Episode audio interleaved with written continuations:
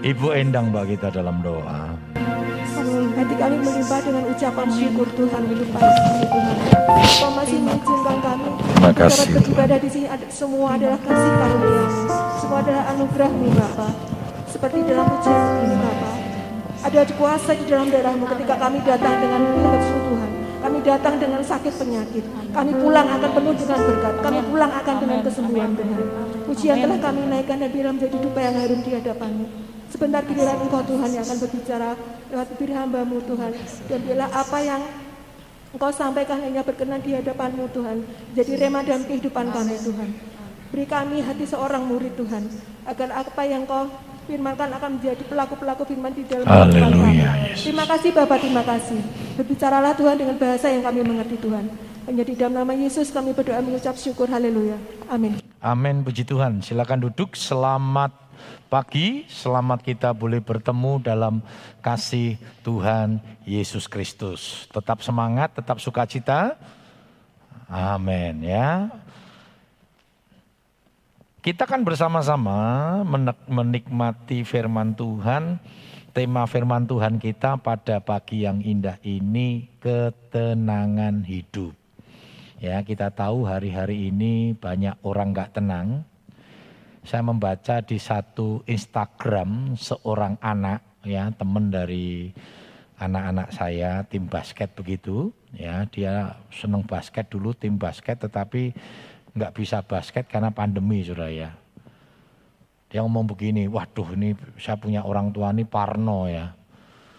Jadi takut dengan pandemi, baru pilek di swab ya nanti diare di swab saudara ya. Di swab di swab di swab terus. Sesuai apalagi yang model hidungnya disokrok-sokrok saudara ya. Waduh luar biasa ya. Banyak orang ya tetapi tidak bisa dipungkiri ya. Banyak orang sudah mulai apa namanya mulai kekhawatiran dan sebagainya ya. Dan kelihatannya ini WHO akan men- eh, di tahun 2022 ini akan menjadikan pandemi itu menjadi endemi. Artinya apa ya dianggap bahwa COVID ini seperti flu biasa, saudara. Jadi semuanya dikembalikan kepada kita pribadi-pribadi untuk menjaga, ya, untuk menjaga. Beberapa negara kita lihat sudah dibuka, saudara ya, mulai orang nganggo masker, bukan berarti negara itu negara itu apa namanya sudah COVID-nya hilang tidak. Tetapi dibuka wis orang nganggo masker, sudah mulai tidak lagi isolasi uh, diisolasi, kedatangan tamu-tamu dan sebagainya. Australia sudah mulai dibuka gitu ya. Bahkan ada satu brosur dikatakan, "Ayo datang datang datang ke Australia." Banyak negara-negara yang negara-negara pariwisata dan sebagainya mulai kolaps sudah ya. Indonesia pun mulai mengurang ya. Mengurangi dulu harus 14 hari, 5 hari, sekarang perjalanan dari luar negeri hanya disuruh isolasi selama tiga hari dan itu dikembalikan kepada masing-masing ya masing-masing. Jadi pemerintah tidak tidak membiayai. Seperti sekarang ini kan omikron ini ya. Jadi omikron ini eh, tidak diisolasi pemerintah tetapi lebih kepada isolasi mandiri. Jadi kembalikan lagi kepada kita pribadi untuk menjaga protokol kesehatan ya. Karena itu kita tetap tenang saudara. Nggak boleh takut. Kondisi memang firman Tuhan katakan ya di hari-hari akhir Petrus katakan kita harus tenang di hari-hari akhir ini supaya kita bisa ber, berdoa. Artinya apa? Memang situasi hari-hari akhir ini membuat kita tidak tenang. Nanti kalau kita membaca dalam Matius 24 ya, dikatakan kondisi-kondisi hari-hari hari ini Saudara ya, ini sudah pandemi, lalu ada perang Rusia Ukraina. Ya, Rusia Ukraina ini apa namanya mempengaruhi perekonomian luar biasa Saudara. Karena perdagangan dunia ini kan antara Amerika dan Rusia. Ini kan peperangan antara Amerika Rusia saudara sebenarnya. Dan saudara lihat ya minyak ya minyak ini dalam waktu satu bulan ya itu naik dua kali saudara. Saya biasa pakai Pertamina Dex saudara ya. Saya kaget waktu itu separuh. Saya pikir ngisinya enggak akan banyak gitu. Tak lihat kok banyak sekali ya. Waktu itu ngobrol-ngobrol waktu kami tim misi Pak Ferry katakan Pak Gus ini Pertamina Dek naik. Saya enggak ngeh saudara. Saya bilang enggak itu saya bilang saya enggak lihat ininya saudara. Apa namanya cuma sempat saya mikir kok harganya kok jadi mahal ya.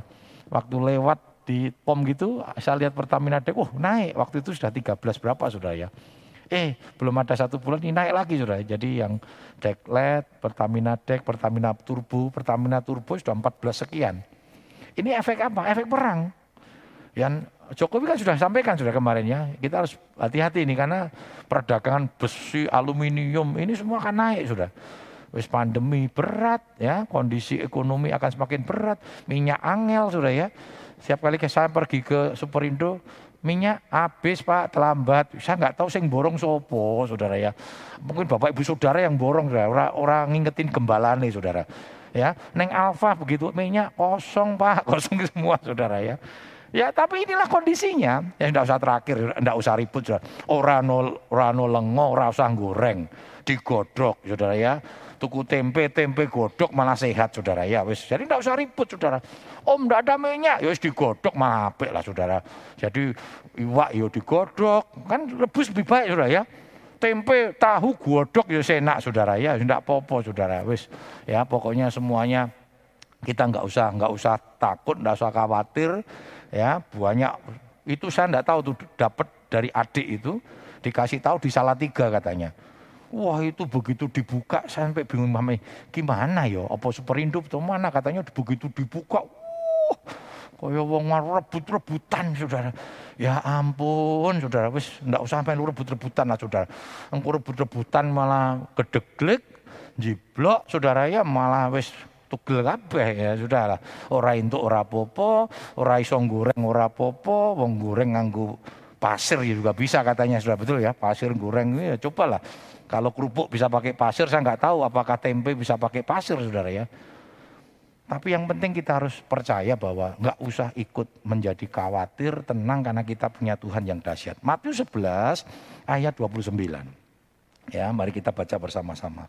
Matius 11 ayat 29. Mari kita bangkit berdiri, kita akan membaca ayat ini bersama-sama ya. Matius 11 ayat yang ke-29 kita akan baca bersama-sama. Dua, tiga. Pikulah kuk yang kupasang dan belajarlah kepadaku karena aku lemah lembut dan rendah hati dan jiwamu akan mendapat ketenangan. Puji Tuhan silakan duduk. Luar biasa ya. Tuhan berkata, nanti ayat 28 Tuhan berkata begini, marilah kepadaku yang letih lesu dan berbeban berat. Aku akan memberikan kelegaan, aku akan memberikan ketenangan. Nanti ayat 29 di, di, diulang kembali.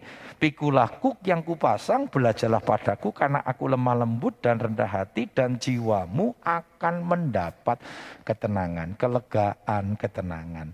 Jadi Tuhan membuka. Ayo yang letih lesu, berbeban berat datang sama Tuhan. Datang kepada oknum yang tepat. Jangan cari-cari hak karpe dewe saudara. Akhirnya tidak mendapatkan ketenangan, malah semakin kacau balu. Tuhan sudah buka. Mari kepadaku yang letih lesu dan berbeban. Artinya apa? Memang pada zaman Tuhan Yesus pun orang yang mengalami letih lesu, beban berat itu sudah banyak saudara. Bukan hanya hari ini, walaupun firman Tuhan katakan di hari-hari akhir kesulitan semakin bertambah ya. Persoalan-persoalan akan semakin bertambah. Tapi firman Tuhan tetap, ya kan? Kan dikatakan dalam 1 Petrus ayat 1 ayat 24 hingga 25 ya semua semua yang hidup itu seperti rumput kemuliaannya seperti bunga rumput tetapi firman Tuhan kekal untuk selama lamanya jadi firman Tuhan itu nggak pernah berubah firman Tuhan tetap up to date. Dari sejak dunia diciptakan sampai nanti bahkan hanya firman Tuhanlah yang tinggal tetap saudara. Kebenaran firman Tuhan. Karena itu kebenaran firman Tuhan boleh menjaga dalam kehidupan kita. Ya, firman Tuhan belum menjaga kehidupan kita. Nah, kita kan lihat bersama-sama apakah bagaimana kunci ketenangan hidup. Yang pertama apa sudah supaya kita tenang hidup kita, kita harus hidup karib dengan Tuhan. Ini yang menjadi persoalannya. Seberapa besar kita ini dekat dengan Tuhan. Seberapa besar kita ini hubungan kita karib dengan Tuhan. Karib itu artinya dekat. Bukan hanya ibadah, bukan hanya kenal. Tetapi karib. Ya, kita punya hubungan yang baik dengan Tuhan. Coba kita lihat dalam Mazmur 62 ayat 6 hingga yang ke-7. Mazmur 62 ayat 6 dan yang Hanya pada Allah saja kiranya aku tenang, sebab daripadanya lah harapanku. Hanya dialah gunung batuku dan keselamatanku, kota bentengku, aku tidak akan ku... Perhatikan sudah. Hanya pada Allah saja kiranya aku tenang. Kenapa? Karena kita tahu Allah itu sumber segala-galanya. Dikatakan Allah itu megatos, artinya Allah punya kehebatan, kekuasaan itu tidak terbatas. Dan yakin dan percaya kalau kita berkata jujur, kita semua mengalami titik-titik itu, saudara. Saya kenapa yakin? Karena saya mengalami di dalam perjalanan hidup saya, menikmati megatosnya Tuhan, kehebatannya Tuhan, kebesarannya Tuhan. Tidak ada yang mustahil bagi Tuhan. Karena itu dekatlah sama Tuhan. Loh saudara kan biasanya gitu saudara, yang punya kekuatan, kan saudara pengennya deket-deket saudara ya. Sama Pak Wali Kota, wah pengennya so deket-deket. Berapa bangga kita. Kenapa? Karena kita merasa kalau ada popo gampang, tenang lah. Karena Pak Wali Kota ini kan menguasai kota ya. Nah iso mau orang mengwali kota, presiden saudara. Wah nah, begitu deket mbak presiden ngerasanya tenang saudara. Kenapa? Ono popo kan tenang wailah, ono presiden. Sudah kenal sama Pangdam, sudah kenal sama Kapolres, rasanya kan wis bangga-bangga ini luar biasa. Sudah. Sudah nggak pernah bangga kenal sama Tuhan. Padahal Tuhan itu di atasnya presiden, di atasnya Kapolres, di atasnya semuanya saudara. Yang punya kekuatan yang tidak ada batasnya. Kapolres satu kali dia terbatas, saudara. betul nggak? Saat ini mungkin oke, tapi tidak ada dikatakan dalam dalam Petrus kan kemuliaannya itu seperti bunga bunga rumput. Wah kenal apa? Kok begitu korupsi rawani kenal? Ini menungso sudah. Begitu ternyata kesandung korupsi, wah sudah pura-pura nggak kenal sudah. Waktu didatangi Pak, kelihatannya dulu sering kemari ya Pak ya. Oh enggak, enggak, enggak, enggak kenal lah. Itulah manusia sudah. Tapi ketika engkau kenal dengan Tuhan, engkau akan merasa aman dan tenang. Amin. Karena itu bergaulah karib dengan Tuhan. Saudara, hidup karib dengan Tuhan akan menikmati janji-janji Tuhan. Tuhan itu memberikan banyak janji, saudara. Dan janjinya itu ya dan amin. Kita sebagai manusia sering kali tidak bisa menepati janji. Bukan karena kita tidak mau menepati, tetapi sering kali karena situasi dan kondisi. Contohnya, saya berkata sama anak-anak, oke okay, besok kita pergi ya. Wah hari libur nih, piknik. Eh tahu-tahu pagi ono jemaat yang meninggal saudara. Saya belanjani janji saya dengan anak saya. Kenapa? Bukan karena niatnya kita mau mau apa namanya belinjani janji, mau tidak menepati janji, tetapi situasi kondisi sering kali ya itu yang terjadi. Tapi niatan belinjani, niatan tidak menepati ya sering kali terjadi, saudara. Terlalu banyak mengucapkan janji, tetapi sering kali kita nggak menepati. Tetapi Tuhan kita enggak. Tuhan kita selalu komitmen dengan janjinya. Bahkan dia selalu menepati janjinya. Coba kita lihat dalam Mazmur 25 ayat yang ke-14. Mazmur 25 ayat yang ke-14. Tuhan bergaul karib dengan orang yang takut akan dia dan perjanjiannya diberitahukannya kepada mereka. Perhatikan saudara, perjanjiannya diberitahukan. Dipelihara dengan janji Tuhan itu luar biasa karena janji Tuhan itu ya dan amin. Apa sih yang menyebabkan kita takut? Masalah ekonomi. Firman Tuhan katakan apa? Carilah dahulu kerajaan Allah dan kebenarannya, maka segala sesuatunya akan ditambahkan. Ayat itu sudah cukup saudara.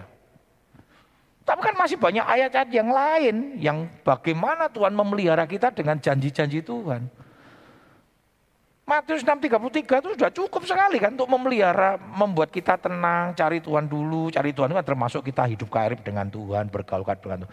Maka segala sesuatunya, segala sesuatunya loh saudara, akan ditambahkan kepadamu. Apa? Masalah ekonomi, tenang. Masalah hari depan, tenang. Hari depan Tuhan banyak lagi janji hari depan. Ya, di hadapan Tuhan itu ada hari depan yang penuh harapan. Tenang, nggak usah takut. Janji Tuhan itu dahsyat, saudara. Nah, bagaimana kita bisa mengerti janjinya kalau kita tidak pernah hidup karib dengan Tuhan? Ya, karena itu belajar kita hidup karib. Di tengah hari-hari ini kita harus banyak hidup karib dengan Tuhan. Makanya firman Tuhan ngomong tenang. Kenapa tenang? Petrus katakan supaya kamu bisa berdoa. Doa itulah komunikasi kita dengan Tuhan. Semakin kita berkomunikasi dengan Tuhan, semakin kita mengenal Tuhan, semakin kita tenang hidupnya. Tapi nek pandemi bingung sudah ya. Ya kan sekarang kan bingung sudah. Kita ini kedatangan Om yang rapena ya, Om Ikron saudara ya. Flu titik, saudara. Sekarang kan lucu ya, saudara ya. Flu titik ini kan banyak beberapa yang nggak datang. Ya kita menghormati lah. Mereka tidak datang bukan untuk dirinya, tetapi mereka datang untuk kita, saudara. Ya mereka nggak datang ini kan karena pilek. Wah, ojo teko lah. Kok ndak nulari. Loh, saudara, kayak zaman dulu kan enggak, saudara. Bok, no yo pilek zaman dulu yo nulari, betul nggak, saudara? Cuma nggak seperti sekarang ya. Kayak zaman dulu kan begitu neng gereja, haing, haing, ngono. Orang enggak terlalu enggak terlalu masalah sudah. Tapi dut sopo kurang ngajari kentut gitu sudah. Orang sopan. Sekarang dut sama wahing itu lebih membahayakan wahing saudara. Begitu wahing pisahan, rodok menteleng saudara. Wahing pisahan menteleng. Wahing metur aku. Luar biasa. Sekarang reso ndak bisa saudara ada yang izin, om sorry ya besok nggak bisa datang, kenapa masuk angin. Piye saudara, masuk saya bilang, datang, gitu, datang, raiso sekarang harus melegalkan sudah, mensahkan, ya, ya, ya, ya tetapi itulah situasi kondisi. Ya, saya menghormati mereka nggak datang karena mereka tidak mau sampai membuat kita tidak nyaman. Neng nek sing wak hing gembalane mosok rata kau ibadah, sing khotbah sapa, Saudara? Ya toh, makanya nih, saya pas khotbah wahing ojo dirasani saudara ya. Saya tak tinggal mulai loh saudara. Begitu dirasani saya metu mulai saya, saya istirahat ning omah wis. Jadi gembalane ono wahing atau anu ojo dirasani lah saudara. Ya jaga jarak saja. Bila perlu mimbari dikurung saudara ya. Nanti minta Pak Taufik dikurung ngabah ini rodo aman. Jadi begitu keluar saya meneng sih, metu jemaati metu kabeh saya baru metu saudara ya. Jadi aman saudara ya. Ya, Makanya itu jangan membuat kita menjadi khawatir. Yang kedua, kunci ketenangan hidup penyerahan diri. Nah ini, tadi kan marilah kepadaku yang letih lesu dan beban berat. Ketika kita datang kepada Tuhan karena kita percaya bahwa Tuhan itu mampu menolong kita sehingga kita menyerahkan hidup kita kepada Tuhan. Kenapa kita menyerahkan hidup kita pada Tuhan? Hanya dialah yang mampu menanggung setiap kehidupan kita, menanggung setiap persoalan hidup kita, menanggung seluruh beban hidup kita. Coba kita lihat di dalam Mazmur 37 ayat yang kelima. Mazmur 37 ayat yang kelima. Serahkanlah hidupmu kepada Tuhan dan percayalah kepadanya dan ia akan bertindak. Berarti kan saudara, serahkan hidupmu kepada Tuhan, percaya. Saudara tidak akan pernah bisa menyerahkan hidupmu kepada Tuhan kalau kau nggak percaya sama Tuhan. Apa arti percaya? Berulang-ulang saya sampaikan. Percaya itu seperti Bapak sudah duduk di atas kursi saudara itu loh bisa duduk dengan nyenyak gitu ya. Oh nyenyak saudara ya. Berarti nguruk ngurungok ke khotbah karo nyenyak saudara ya. Wah enak lagi di apa namanya di leres. Satu senang saudara. Kenapa? Ada apa namanya ya? Ada aplikasi aplikasi di HP itu yang bisa ke Solo itu salah satunya RRI saudara. RRI. Kenapa saya senang? Karena setiap malam itu selalu ada onek ora wayang kulit, ketopraan, saudara. Saya itu kalau sudah ngerungok kayak gitu tuh nyeneng kayak saudara. Tapi anak saya wedi. Dia tuh nek ono apa namanya wayang kulit itu dia jengkel saudara ya. Jengkel, wah papi ngeroke. Lo wedi piye saya bilang, ini bagi papi itu nek ngeroke wayang kulit itu kayak di aduh langsung tidurnya nyaman. Mungkin khotbah saya juga begitu saudara ya. Wah di nek om khotbah penak loh. Neng omah ra turu aku neng gereja. Kenapa gen iso turu kan. Nek om mulai khotbah wis Oh, jebret saudara kami. Saya akan suruh perintahkan satgas, satgas COVID-nya ini tugas yang baru. Bawa karet, ngeliati nek sing ngantuk turu-turu jebreti ya saudara ya. Itu kan. Saudara ya. Jadi serahkan hidupmu sama Tuhan. Tenang. Dikatakan percaya.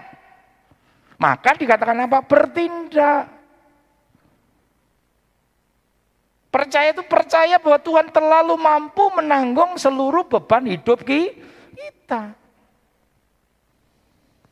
Maka Tuhan akan bertindak. Tidak mungkin Tuhan nggak akan bertindak kalau kita nggak percaya sama Tuhan. Kuncinya itu Tuhan nggak mau jadikan kita robot, saudara. Tuhan kasih free will sama kita, kehendak bebas. Jadi kalau kita datang sama Tuhan, berserah sama Tuhan itu karena kehendak kita. Karena kita percaya sama Tuhan. Kalau engkau nggak percaya nggak bisa, saudara. Karena itu belajarlah percaya sama Tuhan. Kadang lucu, saudara. Ya, Tuhan tuh dahsyat, Tuhan tuh luar biasa. Kok sih orang percaya malah golek dalan beda. Cari-cari alternatif. Sekarang kan ada istilah alternatif. Orang Tuhan itu sudah segala-galanya kok. Kenapa kita harus lari kepada yang lain? Lari sama Tuhan, saudara. Ya, saudara berserah diri kepada Tuhan berarti tidak mengandalkan diri sendiri. Perhatikan saudara, kenapa kita tidak mengandalkan diri sendiri? Alkitab berkata terkutuk. Kenapa terkutuk? Dengan kita mengandalkan diri sendiri berarti kita tidak percaya kepada kekuatan Tuhan. Padahal kekuatan manusia terbatas kok, betul? Paling gampang apa sudah? Kita nggak bisa menahan kantuk kita sendiri. Sekarang ini mungkin faktor usia sudah ya. Satu ada jam 9, jam 10 pagi. Itu waya-waya yang ngantuk. Mungkin karena kita bangunnya pagi sudah ya. Bangunnya pagi jam 9, 10 itu waya-waya yang ngantuk sudah. Makanya saya kalau berpergian, nyetir sudah, pasti bawa kopi sudah. Saya nggak seneng kopi. Ya, tujuannya apa? Genre ngantuk, tapi ya bono ngombe kopi ya tetap ngantuk ya sudah. Jadi sebenarnya bukan kopi yang paling penting. Bawa apa namanya eh, korek api. Apa om? Dinggung ganjel motor nih. Loh, nih mau diganjel motor nih nek jenenge ngantuk. Motor nih mentul lo ya iso turu lo sudah betul nggak? Wong banyak orang kita melek saudara. Nih turu ternyata saudara. Jadi ya itulah itu itu apa namanya kita kita melihat bahwa kita ini tidak boleh mengandalkan di sini karena kita tuh lemah saudara. Betul ya? Lemah. Lemah. Coba kita lihat sama-sama dalam Amsal 3 ayat 5 sampai 6. Amsal 3 ayat 5 dan 6. Percayalah kepada Tuhan dengan segenap hatimu dan janganlah bersandar kepada pengertianmu sendiri. Akuilah dia dalam segala lakumu, maka ia akan meluruskan jalanmu. Nah, untuk percaya kepada Tuhan itu lawannya bersandar kepada pengertianmu sendiri. Tidak bisa. Karena ada banyak jalannya Tuhan, rancangannya Tuhan, cara Tuhan bekerja itu melampaui, bukan di luar ya, melampaui logika manusia, melampaui. Kalau di luar logika namanya irasional saudara. Tapi kalau melampaui namanya suprarasional. Artinya tidak mampu kita pikirkan tetapi Tuhan bisa kerjakan karena Tuhan megatos. Tuhan itu punya kekuatan yang tidak terbatas. Nah kalau kita sudah dipelihara dengan kekuatan yang seperti ini, apa sih yang membuat kita menjadi takut? Yang membuat membuat kita menjadi takut karena kita tidak bergaul karib dengan Tuhan, kita tidak berserah diri kepada Tuhan, sehingga kita tidak berani mempercayakan hidup kita kepada Tuhan. Ya, tidak berani mempercayakan hidup kita kepada Tuhan. Padahal Allah kita itu Allah yang dahsyat. Allah yang menjamin hidup kita dengan cara yang luar biasa. Yang ajaib. Yang ketiga, Kunci ketenangan hidup apa saudara? Hidup dalam kebenaran. Orang yang hidup dalam kebenaran akan tenang. Masih ingat Adam dan Hawa ketika hidup benar dengan Tuhan? Oh nyenengke sudah ya. Tuhan datang bercengkrama dengan Tuhan, hidupnya tenang, hidupnya penuh dengan damai sejahtera. Tapi ketika Adam dan Hawa jatuh dalam dosa, apa sudah? Dosa itu mengakibatkan hidupnya nggak tenang. Sudah. Ketika Tuhan datang bingung delik sudah. Takut malah. Tuhan tanya ngapain kamu? Kok malah sembunyi kok wedi? Iya Tuhan. Aku malu karena aku telanjang. Ketakutan sudah. Hidup tidak tenang. Kenapa? Tidak hidup dalam kebenaran. Orang yang hidup dalam kebenaran tenang sudah. Betul? Saya suka nonton polisi itu sudah. Setiap trans, trans 7 atau apa ya, setengah jam jam 7 lebih itu. Itu nek polisi teko, ono bocah-bocah nongkrong, nek salah saudara, uh ketakutan semua. Betul ya? Sampai polisi tanya, ngapain kamu lari? Takut apa? Lah ini orang salah, orang wedi. Betul gak sih? Loh saudara takut sama polisi nek salah, betul? SIM, orang duwe STNK, salah, wedi mesti. Tapi begitu kita aman dapat tidak takut. Maka dikatakan ngapain? Polisi bilang ngapain kamu takut? Wong polisi itu mengamankan kok. Harusnya kalau ada orang yang petugas pengamanan kan seneng kita, betul nggak? Oh aman. Berarti kan salah. Hidup dalam kebenaran itu tidak mendatangkan ketakutan sama. Kalau saudara hidup benar, rapat di Tuhan Yesus, sembahyang orang pekewo, betul nggak saudara?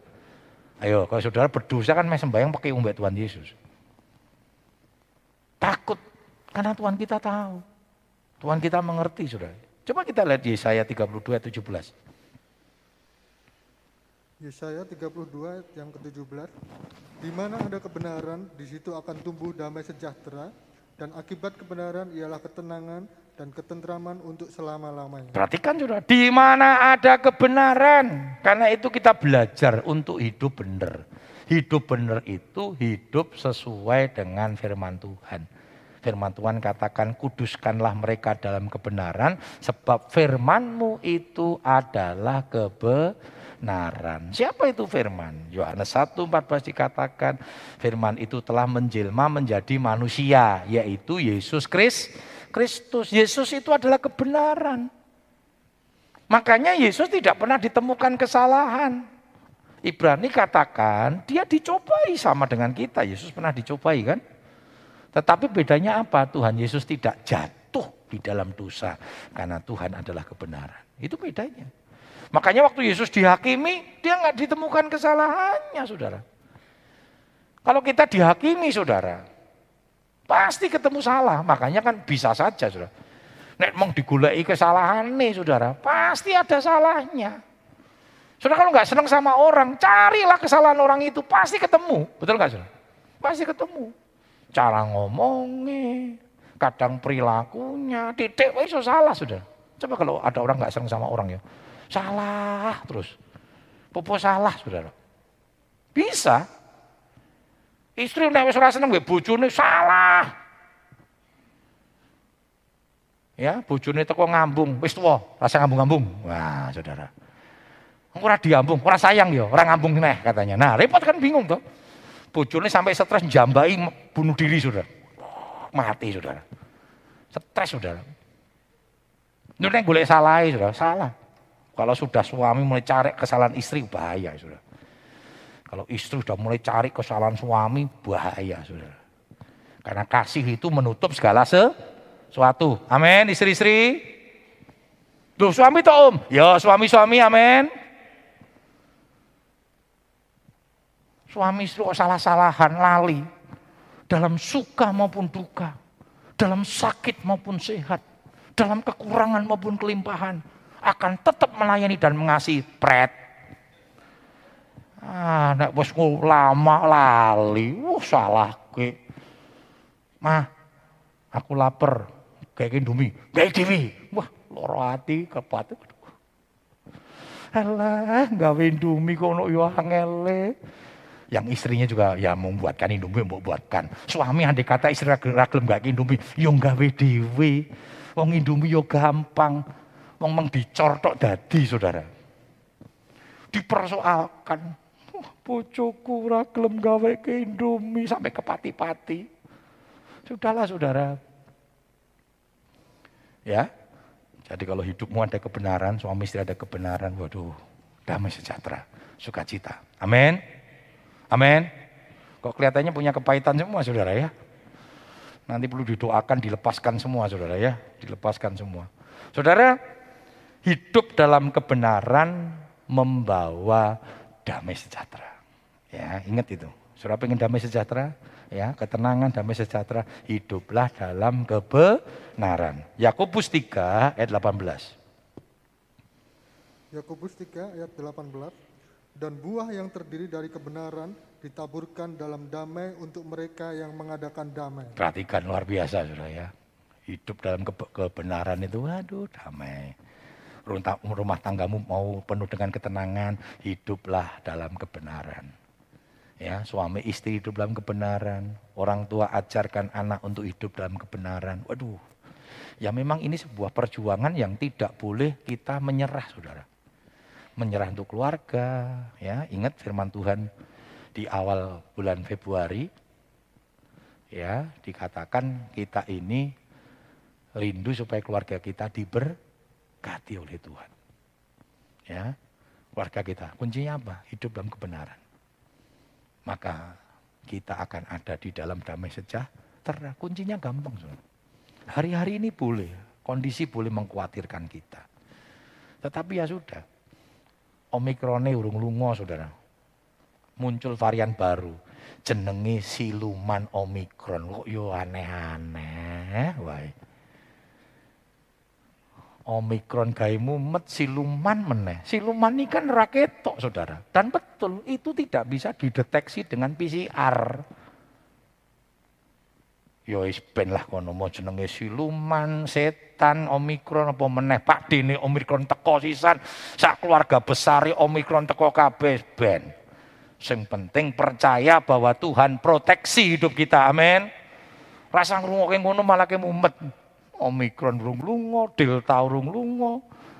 Omikron lunga nyeluk bolo meneh saudara ya, engko sak keluarga besar itu teko kabeh ben saudara. Tuhan kita lebih dahsyat daripada Om Ikron, saudara ya. Tuhan kita lebih hebat. Dik deltane wis lunga, ya toh, Om Ikrone ora ini, nah biarin aja.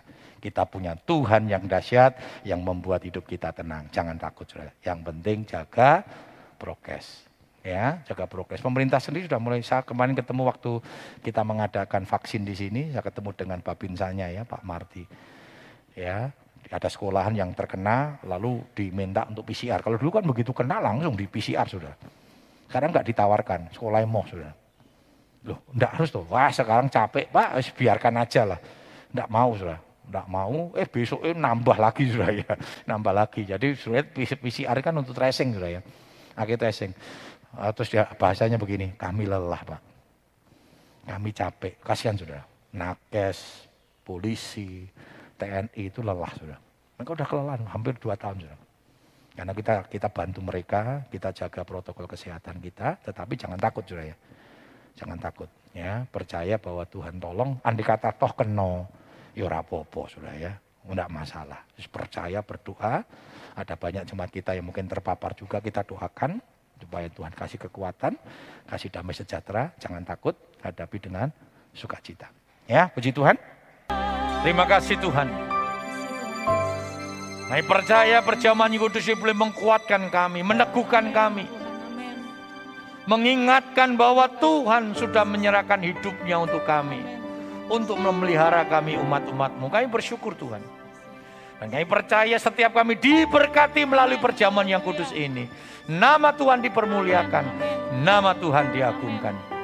Hanya di dalam nama Tuhan Yesus Kristus kami sudah terima berkat Tuhan. Haleluya. Amin.